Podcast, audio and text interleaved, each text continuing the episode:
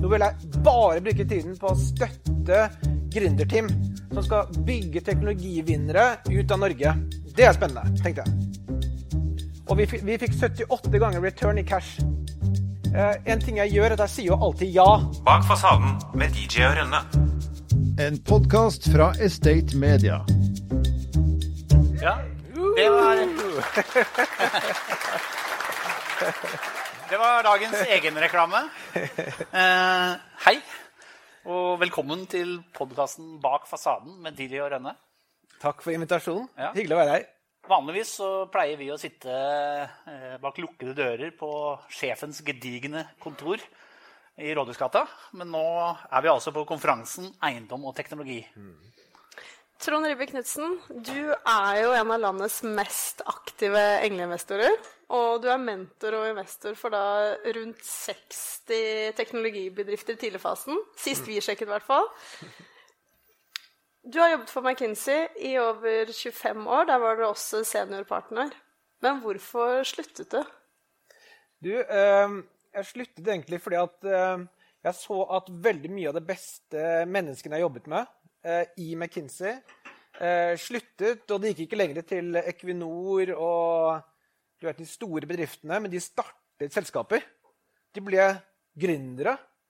Eh, og nå på McKinsey-kontoret i Oslo så er det altså halvparten som slutter, går inn i gründerselskaper. Det er helt nytt. Og de her spurte jo meg om, eh, om jeg kunne hjelpe til.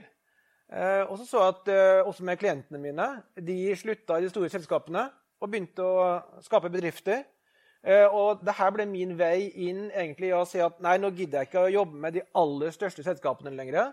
Holdt på med det i 25 år. Kjempemoro. Nå vil jeg bare bruke tiden på å støtte gründerteam som skal bygge teknologivinnere ut av Norge. Det er spennende, tenkte jeg. Så det, da slutta jeg med McKinsey. Men det virker jo som du har hatt en ganske bra deal-flow. Hvorfor kommer alle de nystarta Proptex-selskapene til deg? Du, eh, For det første tror jeg det er fordi at jeg investerer så mye. så jeg gjorde et poeng av da jeg sluttet for fem-seks år siden, så var det egentlig vanskelig å finne sånne gærninger som meg som ville ta enorm risiko på noen som ikke hadde noe bevis for noe som helst. Det var liksom få. Og det kan du godt forstå. Eh, Men jeg begynte å gå ut og si at eh, jeg investerer hele tiden. Jeg er alltid her. Hvis dere vil møte meg og teamet mitt, så tar vi alltid et møte. Eh, Så da satte vi i gang en modell hvor vi begynte å investere hver måned. Og vi investerer hele tiden. Sånn at gründere skal vite at det er noen som bryr seg om dem. Vi er der. Så det tror jeg er det viktigste. Og så er det klart at vi har et bra nettverk rundt oss. Så veldig ofte så kan vi hjelpe til at et gründerteam kan få aksess inn til en bedrift og teste ideen sin. Kanskje få et første, første eh, vet, eh, prosjekt eller bare en liten pilot. Sånn som Sara og Frederico som startet selskapet Immerso, som gjør skanning av bygninger mens du bygger, og kan liksom kontrastere med, med CAD-tegningen, BIM-tegningen, for å se avvik og sånn. Da jeg traff de første gangen for fem år siden, hadde de akkurat kommet til Norge. Hadde aldri jobbet i byggebransjen. Eh, Hadde bare en idé, hadde lite konsept. Så tok jeg det med til eh, ledelsen i Entra, Anders og Arve, eh, og de elsket det. Og vi satt oppe i toppen av Postgirobygget, så sa de to til Fredrico og Sara at du vil holde på å gjøre noe greier i første etasjen. og sånne ting. Kan ikke dere bare gå ned og begynne å skanne? Så første dagen med de, så fikk de kontrakt. Og dagen etter gikk vi til Morten i AF-gruppen, og de, han også ga dem en kontrakt. Og da tenkte jeg at det her kan jeg holde på med. Her kan jeg få bidra. Det er jo dumt at ikke flere gjør det her. Ikke sant? Det hjelper disse gründerne inn til de første pilotene. Så jeg tror sånne historier gjør også at folk vet at jeg bryr meg, at jeg bruker tid og åpner dører. Og, ja, så jeg tror det også er med på det. Så liker jeg jo jeg liker å treffe folk. Jeg liker å hjelpe. Alltid, grunnen til at jeg var partner med Kinsey, var at jeg ville ikke være liksom konsernsjef. og sånne ting. Jeg liker å være litt bak og hjelpe folk med å lykkes. Og det er jo det samme jeg gjør nå. Samme greia. Så det, det er jo egentlig det jeg liker, da. Du er jo også ingeniør, så du har jo kunnskapen. Men hva er den største suksesshistorien du har vært med på? Og det er ganske, ganske morsomt. Um, eh, en ting jeg gjør, er at jeg sier jo alltid ja. Så hvis noen ber om noe, sier jeg alltid ja. Jeg vet ikke helt hva det er for noe, men jeg sier ja. Hørtes dyrt ut. Ja. Så jeg ble, jeg hadde et konkurrerende firma til McKinsey som et Arkwright. Eh, De driver med management consulting og sånne ting. Og jeg sluttet McKinsey, så sa partnergruppen i Arkwright at kan ikke du komme til oss og holde noen foredrag om hvordan du klarte å ha så mange store kunder og sånne ting? For vi vil gjerne lære av det du gjorde i McKinsey og sånn. Så sa jeg at det, det kan jeg godt gjøre. Så jeg hadde en sånn kveld med partnerne i Arkwright. Og så begynte jeg å snakke om hva jeg gjorde nå med startup og sånne ting. Og så Like etterpå fikk jeg en e-mail fra Anders Kvåle, som var da partner i Arkwright. Og Han sa Trond, det var veldig spennende din bakgrunn. det du holdt på med sånn. Jeg holder på på fritiden med et lite prosjekt som vi kaller Spacemaker. Og jeg har fått med Håvard fra Link og Carl fra Beck, og vi har tenkt på kanskje å lage et selskap rundt det her. Kan ikke du ta en titt på det? Og så så jeg på det og syntes det var kjempespennende og ble første investor i Spacemaker. Eh, Og da var selskapet verdt 10 millioner kroner. Og så eh, blant annet, eh, var jeg med på å åpne en del dører for det å utvikle selskapet. Og etter litt over tre år så ble det solgt til Autodesk for 2,5 milliarder kroner. Og vi, vi fikk 78 ganger return i cash. Da tar vi en kort pause for å minne om at BN Bank er spesialisten på finansiering av næringseiendom i Oslo-regionen. BN Bank er en rendyrket eiendomsspesialist og kjennetegnes av hurtighet, fleksibilitet og forutsigbarhet. Gode løsninger sikres gjennom medarbeidere med høy kompetanse og sterke relasjoner til kundene. Kontakt BN Bank nå. Er, er du da med på oppfølgingsemisjoner? Nei, altså min strategi er jo ikke å gjøre det. Jeg prøver liksom å treffe innertier ved første investering. Eh, og det er jo imot all investeringsfilosofi. Eh, som mange andre områder så er jeg contrarian. jeg har et annet perspektiv. Så ved at jeg går med små beløp supertidlig, kan jeg tillate meg å ta større risiko. Eh, og ved at jeg går bredt, så har jeg veldig oversikt over hele markedet. Eh, og det hjelper alle selskapene også. Jeg er til enhver tid inne i ti ulike finansieringssituasjoner. ikke sant? For alle selskapene driver hele tiden med det. Så det hjelper også selskapene at det er noen sånn som meg som går supertidlig og bare én gang. Det er jo mye spennende bransjer, og det er veldig mange som har tjent penger på offshore og teknologi osv. Men hvorfor har du valgt akkurat Proptech? Ja, Proptech eh, av et par ulike årsaker. Det ene er selvfølgelig at jeg har en bakgrunn som sivilingeniør i bygg. Og for 25 år stakk av fra den bransjen og trodde jeg var ferdig med det. Eh, Men så da jeg begynte å jobbe som investor, så jeg at her er det veldig mye spennende innovasjon som kan skje. Og at vi egentlig ligger ganske godt an i Norge. Og så hadde jeg en sånn strategi der jeg begynte at eh, vi måtte finne noen områder hvor vi i Norge kanskje kunne være ledende i verden. liksom. Og vi, vi lagde, jeg kan komme tilbake til det etterpå, vi lagde en oversikt over en syv-åtte områder hvor Norge har liksom muligheten til å lede. Og Proptech, Construction Tech var et av de områdene hvor vi etter hvert så at her kan vi faktisk lage verdensledende selskap. Eh, så det passet godt med den strategien også. Og så hadde jeg et nettverk i bransjen. da. Det er liksom du sier, at du sier jo alltid ja. Eh, du har, Ja, ja. Jeg lurer litt på hvor får du den driven fra? Hva er det som driver deg? Eh, alltid, eh, egentlig er det helt sikkert, hvis en annen psykolog gikk inn og virkelig prøvde å forstå det her, så er det sikkert helt sikkert en underliggende usikkerhet eh, i at jeg har et veldig ønske om å være relevant. At eh, den ideen jeg begynte med Kinsey, og så plutselig fikk jeg en invitasjon til å være med i en konsernledergruppe en helg. Bare jeg, liksom. Å, herregud, det er superrelevant for toppledelsen i Statoil, liksom. Det var, det var nok energigivende for meg til å holde på liksom, mange måneder til. Så det er ideen om at eh, noen gidder å høre på meg, eh, at jeg har noe relevant å komme med, og kan være til hjelp, det har alltid vært det viktigste. Eh, så rett og slett bare Og så er jeg veldig sånn drevet av eh, kunnskap. Veldig kunnskapstørstig. Veldig sånn eh, eh, undersøkende. Prøver liksom å forstå nye ting og liker å treffe mennesker. og ja, Det er derfra det kommer, da. Hva er du mest opptatt av akkurat nå, da? Som du liksom akkur akkurat nå prøver jeg egentlig å forstå eh, litt av implikasjonen av Glasgow. Eh, de enorme utfordringene vi står overfor, og det regulatoriske regimet som kommer nå på mange industrier, og hvordan det kombineres med de enorme teknologiske forandringskreftene vi ser, og hvordan det skaper muligheter for, eh, for ny selskapsbygging og venturekapital og implikasjoner for større bedrifter og samfunn. og sånn. Det det, det jeg holder på med akkurat nå. Eh, Når det gjelder de norske selskapene, er det, er det ikke en litt utfordring at hjemmemarkedet er så lite? Ja, det, i alle fall hvis du har tenkt å bare bli i Norge liksom, i lang tid, Um, men egentlig er Norge i mange bransjer et ganske bra sånn, uh, laboratorium. Så liksom Laboratory Norway, på en måte. Jeg kan jo si at Du kan holde på en del år i Norge. Uh, Norge er tidlig ute med digitalisering. Uh, vi er tidlig ute med skymigrasjon. Uh, det gjør at du kan holde på en stund her med gode kunder og få plattformen og teknologien på plass, og så skalere ut av Norge. Det må ikke ta for lang tid. Ja. men det er ganske mange bransjer at vi kan bygge veldig gode ting her. da. Mm. Jeg husker at tidligere så har vel du sagt at du er ikke interessert i selskaper som bare kan holde, eller drive i Norge. Du ønsker vel kunne investere i selskaper som kan ekspandere? Ja, absolutt. Det var hovedårsaken til at jeg ikke i første omgang investerte med Kolonial. For Jeg satt i styret i Rema og jobbet med Carl, og sånne ting, men jeg hadde ikke helt troen på bare å holde på med dagligvarer på nett i Norge. liksom.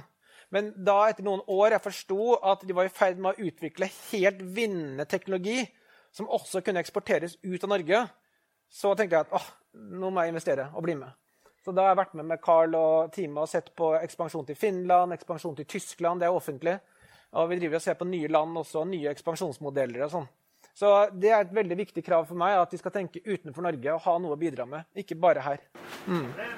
Her hører du noen av de 3500 ansatte som jobber i For Service. Menneskene er vår viktigste ressurs og suksessfaktor. Så når For Service er opptatt av bærekraft, handler det også om den sosiale delen menneskene. Gjennom rekruttering, nye arbeidsplasser, kompetanseheving og riktige samarbeidspartnere jobber For Service for å gi muligheter til mennesker. Også de som i dag står utenfor. Alle må starte et sted. Les mer på forservice.no. Hva er den største utfordringen som du ser i eiendomsbransjen i dag, som du tenker at det, ikke er noe Proptex-selskap som har løst ennå? Det, det er jo de store utfordringene som alle kjenner igjen. og Det ene har å gjøre med klima. eh, Og, og klimafotavtrykket fra bransjen, både i, i byggebransjen og i forvaltningsfasen, eh, som ennå ikke er løst. Og hvor veldig mange jobber med det, selvfølgelig. Veldig spennende. Eh, Og så er det det faktum at særlig i byggebransjen så er det kanskje den eneste bransjen i verden som har hatt null produktivitetsforbedring på 30 år. Eh, ikke sant? Det er veldig unikt dårlig. Eh, så det er veldig mye å holde på med. Eh, jeg, jeg, jobbet med, med automotive, med type Volvo og sånne ting. Volvo Cars. Og i den bransjen var det 7% årlig produktivitetsforbedring. Slik at når du kjøpte liksom en BMW 518 ti år etter første gang du kjøpte den, så fikk du en mye bedre bil på en lavere pris. Ikke sant? Eh, sånn har det ikke vært i byggebransjen. Eh, men muligheten er der. Så det er de to store tingene. Jeg tror at de kommer sammen. Altså det, bidrar, altså det, det, det er de samme greiene. For når det blir mer effektiv, mindre eh, fotavtrykk, det er bedre for klimaet, bedre økonomisk At det henger sammen. Men når er det vi får se det? Altså, kanskje de som driver med eiendom i Ja, salen de kan nok sikkert bedre enn meg. veldig Men jeg tror 2030 er et veldig viktig årstall i verdenshistorien. Eh, For det er så mye regulatorisk som kommer på plass nå, som gjør at du kan ikke komme deg unna. Og, det, og vår, vår trajectory er så dårlig i forhold til de målene som er satt for 2030, som delvis også er eh, legalt bundet opp. Så, det å forstå hvordan det her på en måte skal spille sammen, det blir veldig interessant. Eh, Jeg tror ikke vi helt har løsningen ennå. Men jeg liker jo at ikke vi har løsningen. Eh, For det gjør at noen kan komme opp med løsningen og bidra til det. Og der ligger det jo ny verdiskapning for samfunnet og for, for bedriftene. Hva mener du som skal til for at en startup eh, skal lykkes ordentlig? Jeg synes Spacemaker er et godt eksempel. da. Fordi at eh, Veldig ofte så begynner jeg med at teamet det må være et komplementært team. De må være autentiske. Det må være en grunn til at de her kan lykkes i, den, liksom, med den oppgaven de har, har tatt på seg.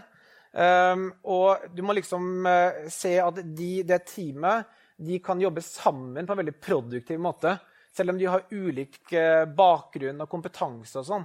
Og det teamet hadde jo det. Jeg tror alltid det er veldig viktig. Så jeg liker egentlig bare å investere med team og ikke med enkeltpersoner. Og se hvordan de jobber sammen. Og så må de to-tre, hun og han, eh, de må kunne attrahere verdens beste folk. For det, det aller viktigste i dag er det at talent de kan gå overalt. Eh, kapital er ikke så vanskelig å få tak i. Eh, til og med å få en kunde. Jeg kan hjelpe dem med å få en kunde. Men å få verdens beste talent til å ikke gå til det, ikke det selskapet, ikke det selskapet, komme til Norge og jobbe med de her tre, det er det vanskeligste. Så Mange sier at eh, venturekapitalister som meg de er egentlig HR-managers med litt kapital. Ikke sant? Da tar jeg med meg denne HR-hodet. Liksom, at å forstå kan de her eh, Og da er det veldig viktig at du har et øye for at de kan gjøre det, selv om de personlighetsmessig er forskjellige fra deg selv. Ikke sant? De attraherer verdens beste folk innenfor maskinlæring på Python eh, er en annen greie enn det som jeg holder på med. Og det er kjempevanskelig. At du ikke ender opp med at du bare er komfortabel med folk som er veldig lik deg selv. Vanskelig. Brekkhus advokatfirma rådgir norske og internasjonale kunder innen en rekke sektorer. Våre eiendomsadvokater kjenner eiendomsbransjens muligheter og utfordringer, og bistår ulike aktører i utviklingsprosjekter, transaksjoner, megling, utleie og tvisteløsning. Vil du høre mer? Kontakt oss på post at breikhus.no. Men hvorfor vil du ikke investere i enkeltpersoner? Hvorfor er det teamet så viktig? Jeg har lyst til å se den dynamikken. Jeg vil gjerne vite hvordan en enkeltperson tenker på å bygge rundt seg selv. Hvordan hun tenker på å lage et større team. Eh, for Jeg er litt redd noen ganger for at eh, man blir så fascinert av sitt eget lille konsept, og det er bare du, at du egentlig ikke vil skalere. Eh, og Vi kan bare investere med de som virkelig vil bli store og skalere. Og da, da ligger det veldig mye å se forskjellen på én person og når hun har med seg to til. Da ser du på dynamikken i møtet. og sånn. Hvis, hvis, det er bare hun som prater, og de to andre bare sitter og er på mobilen, og sånn, så vet du at det her er ikke et team. Ikke sant? Du vil gjerne at de bygger på hverandre og ser at de har respekt for hverandre, at de er komplementære, at de liker å være sammen. Den dynamikken attraherer andre folk. Så det er viktig for oss. Men er det noen tydelige sånn karaktertrekk som du tenker at ok, det må man ha, for da er det større sannsynlighet for å lykkes, utover det å være et godt team? veldig vanskelig. Men uh, jeg tror uh, dette med at, at, du er autentisk rundt hvorfor dette er viktig for deg. Ikke sant? Det må være en annen grunn til at du er med på dette, som kanskje er knyttet opp i en annen ting rundt hvem du er, din historie, hva som er viktig for deg i livet. Ikke sant? For i, i startup-verdenen går jo ting opp og ned. Og du må være resilient. ikke sant? Du må ha liksom kraften i deg til å stå gjennom utfordringer. Og ikke bare gi opp med en gang det blir vanskelig. Eh, og da må det ofte være noe som er dypere eh, enn bare det å ha et håp om å bli rik. liksom. Så det, det at det er autentisk, eh, at det er en grunn til at dette er viktig, det, det tror jeg hjelper veldig. Også det at du, du, tenker egentlig litt sånn Champions League.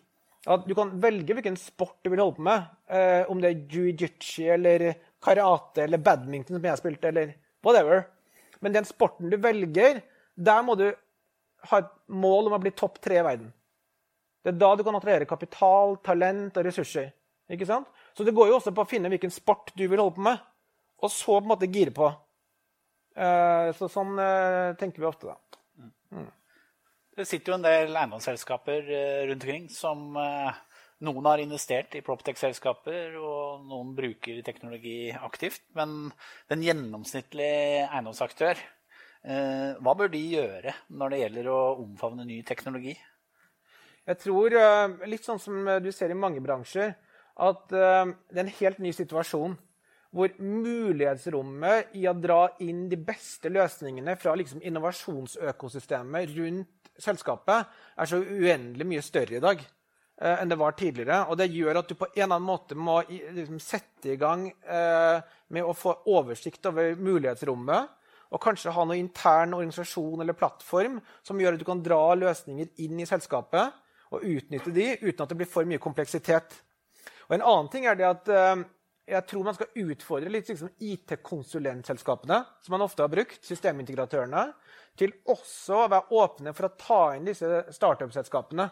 For det er en veldig viktig sånn buy versus build-beslutning som alle sitter og ser på nå. Og IT-selskapene, IT-konsulentene, de har alltid et insentiv på build. Sånn, ja, det kommer i roadmapen om tre år. og sånn. Og så vet jeg at det fins en løsning i markedet nå som er kjempebillig og funker kjempebra. Men ingen i selskapet vet helt at vet, det er situasjonen. Så du kan ikke bare bero på de tradisjonelle IT-konsulentene heller lenger. Du må faktisk danne et bilde av i innovasjonsøkosystemet hvor finner vi spennende selskaper å dra inn. Og ha en plattform for det. Det er litt nytt. Hvilke tre tech-selskaper syns du er ekstra interessante akkurat nå? Ja, det er, veldig mange i Norge som, eh, som er kjempespennende. Jeg eh, kan snakke litt om det etterpå også, men eh, det som Jonas Helmikstøl har gjort med Easy, den laderen, Electric Vehicle-laderen, er helt rått. Det er Norges raskest voksende selskap for øyeblikket i prosent. Omsatte for 300 millioner kroner i fjor og tjente 50 millioner. Og i år vil jeg tippe at han kommer langt over en milliard og tjener masse penger og har hele verden å vokse i. Så det er et kjempegodt eksempel. Jeg er veldig imponert over det Aker og Jon Lervik har gjort med Cognite. Som et eksempel på hvordan du kan bygge egentlig fra sterk norsk industri bygge liksom eh, teknologi- og dataplattform eh, som kan vokse ut i verden. Jeg syns det er eh, utrolig imponerende. Og jeg syns Tibber er veldig interessant. Eh, hvordan på en måte Tibber har revolusjonert egentlig, hvordan du kan utnytte på en helt annen måte at kunden kommer i, i fokus på å styre strømforbruk, få kontroll på strømforbruk. Eh, og jeg får calls hver uke fra internasjonale investorer som spør meg om Tibber. Eh, men jeg kunne valgt 10-20 andre. Norge har et utrolig tilfang nå av sterke scaleups. Bak fasaden med DJ og Rønne. En podkast fra Estate Media.